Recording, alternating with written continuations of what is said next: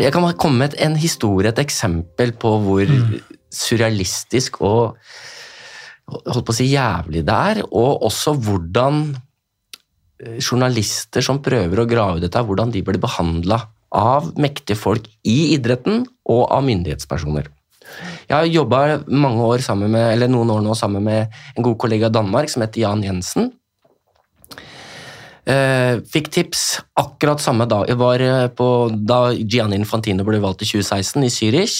Jeg får et tips som, fra noen som ville møte meg fordi de stolte på meg. og Så møtes vi på et hotell i et mørkt rom. Vi slo, slo ikke på lys engang satt med, og fikk papirer. og Det gjorde at vi endte i Kuwait.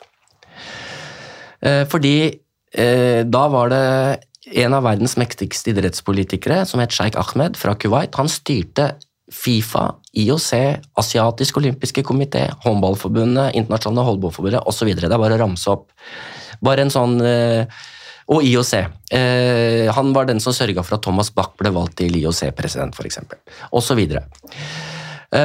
Og når vi er der, så får vi vite at han har vært del av en kamp for å bli emir i Kuwait. Altså, han var med i maktkampen, og det ble avdekka at han hadde vært med på eh, å, bestille skuespillere for å spille inn på en kafé eh, en fake mordkomplott mot emiren, og dette skulle da han avsløre at det var et mordkomplott, og det skulle gjøre at han ble en sterkere kandidat til emir. At han liksom, han oppdaga at det var et mordkomplott, og fikk avverga det. Og så viser det at det er han som har laget det. Dette her var verdens mektigste idrettspolitiker.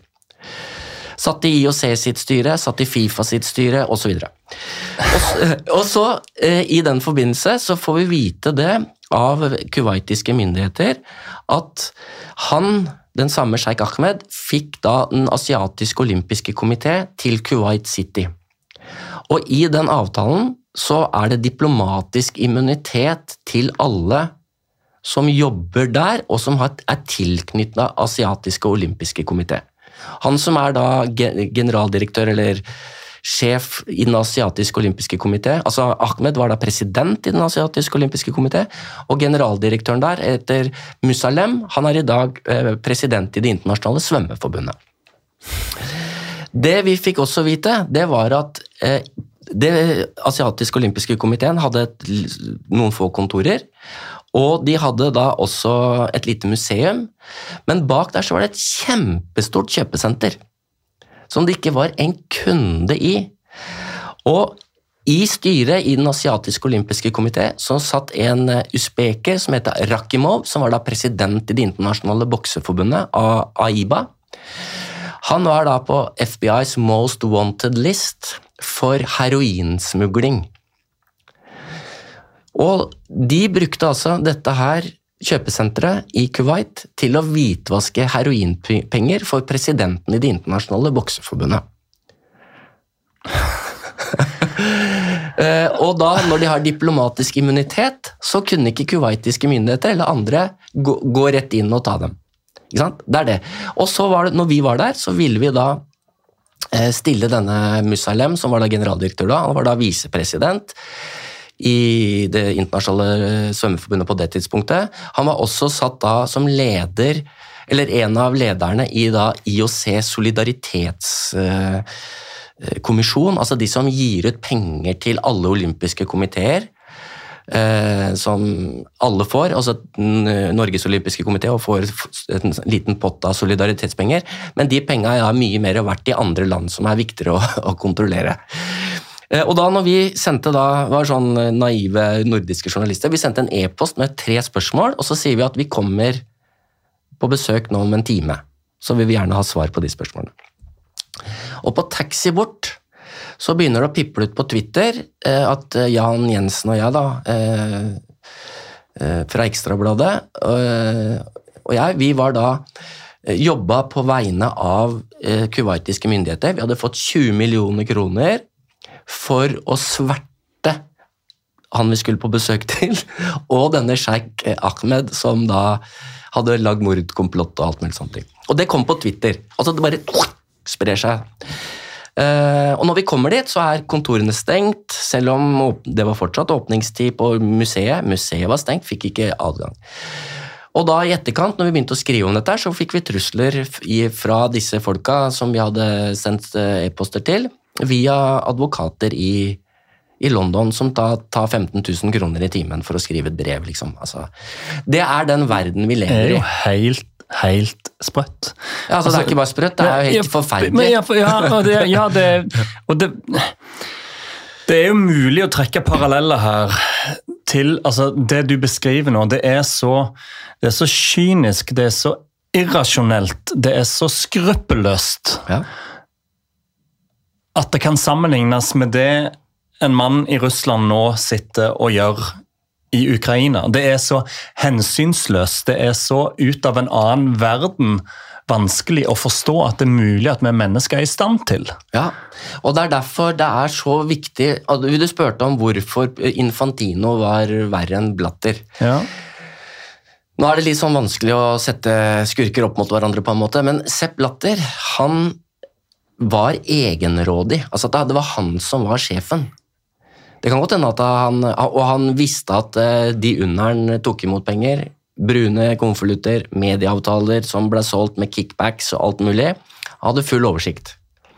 Men han brydde seg om fotballen. Altså at Han ville at Afrika skulle bli et fotballkontinent. Han hadde en eh, viss forståelse for kvinnefotball altså, osv., som gjorde at han på mange måter han holdt seg ved makta ved å vite at de rundt den var korrupte, og brydde seg ikke om det, samtidig som han hadde på en måte en idé om hvordan fotballen skulle utvikle seg. Veldig karikert, men mm. eh, Og så var han en arrogant eh, type i tillegg. Altså veldig spesiell type.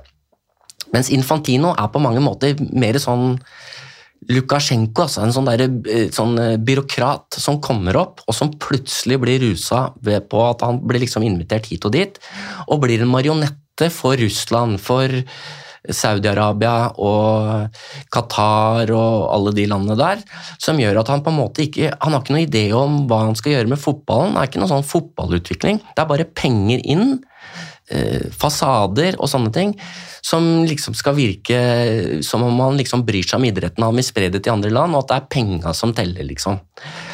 Eh, og det er, eh, det er liksom den idrettslederen vi må ha bort.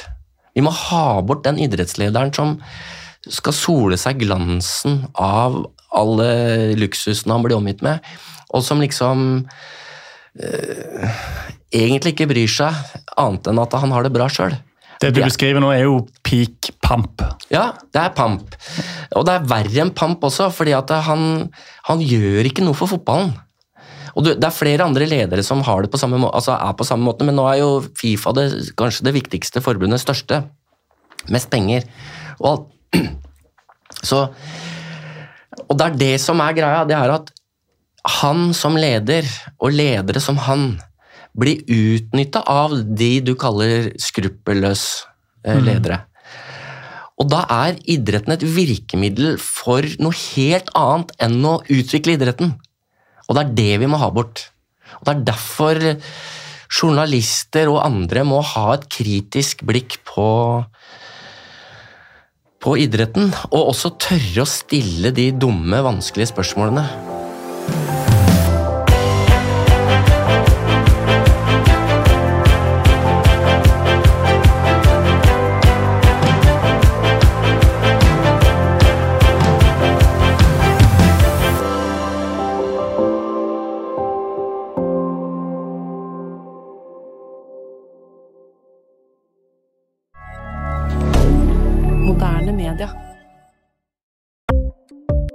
Ukens annonsør er Folio, en smartere banktjeneste for deg som har en egen bedrift eller ønsker å starte for deg selv.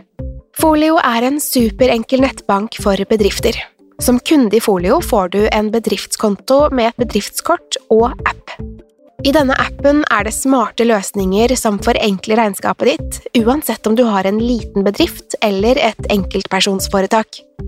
Folio er både intuitivt og brukervennlig, og er laget med et enkelt språk. I tillegg tilbyr de forutsigbare priser og ingen skjulte gebyrer. Skulle du likevel trenge det, så kan du snakke med deres raske og hyggelige kundeservice, og der får du prate med en faktisk person og ikke en chatbot. Folio er med andre ord både enklere og koseligere enn banken. Over 10 000 bedrifter har allerede valgt Folio som sin banktjeneste, så besøk folio.no og se hvordan Folio kan forenkle din hverdag også. Har du et enkeltpersonforetak eller en liten bedrift? Da er du sikkert lei av å høre meg snakke om hvor enkelt det er med kvitteringer og bilag i fiken, så vi eh, gir oss her, vi. Fordi vi liker enkelt. Fiken superenkelt regnskap.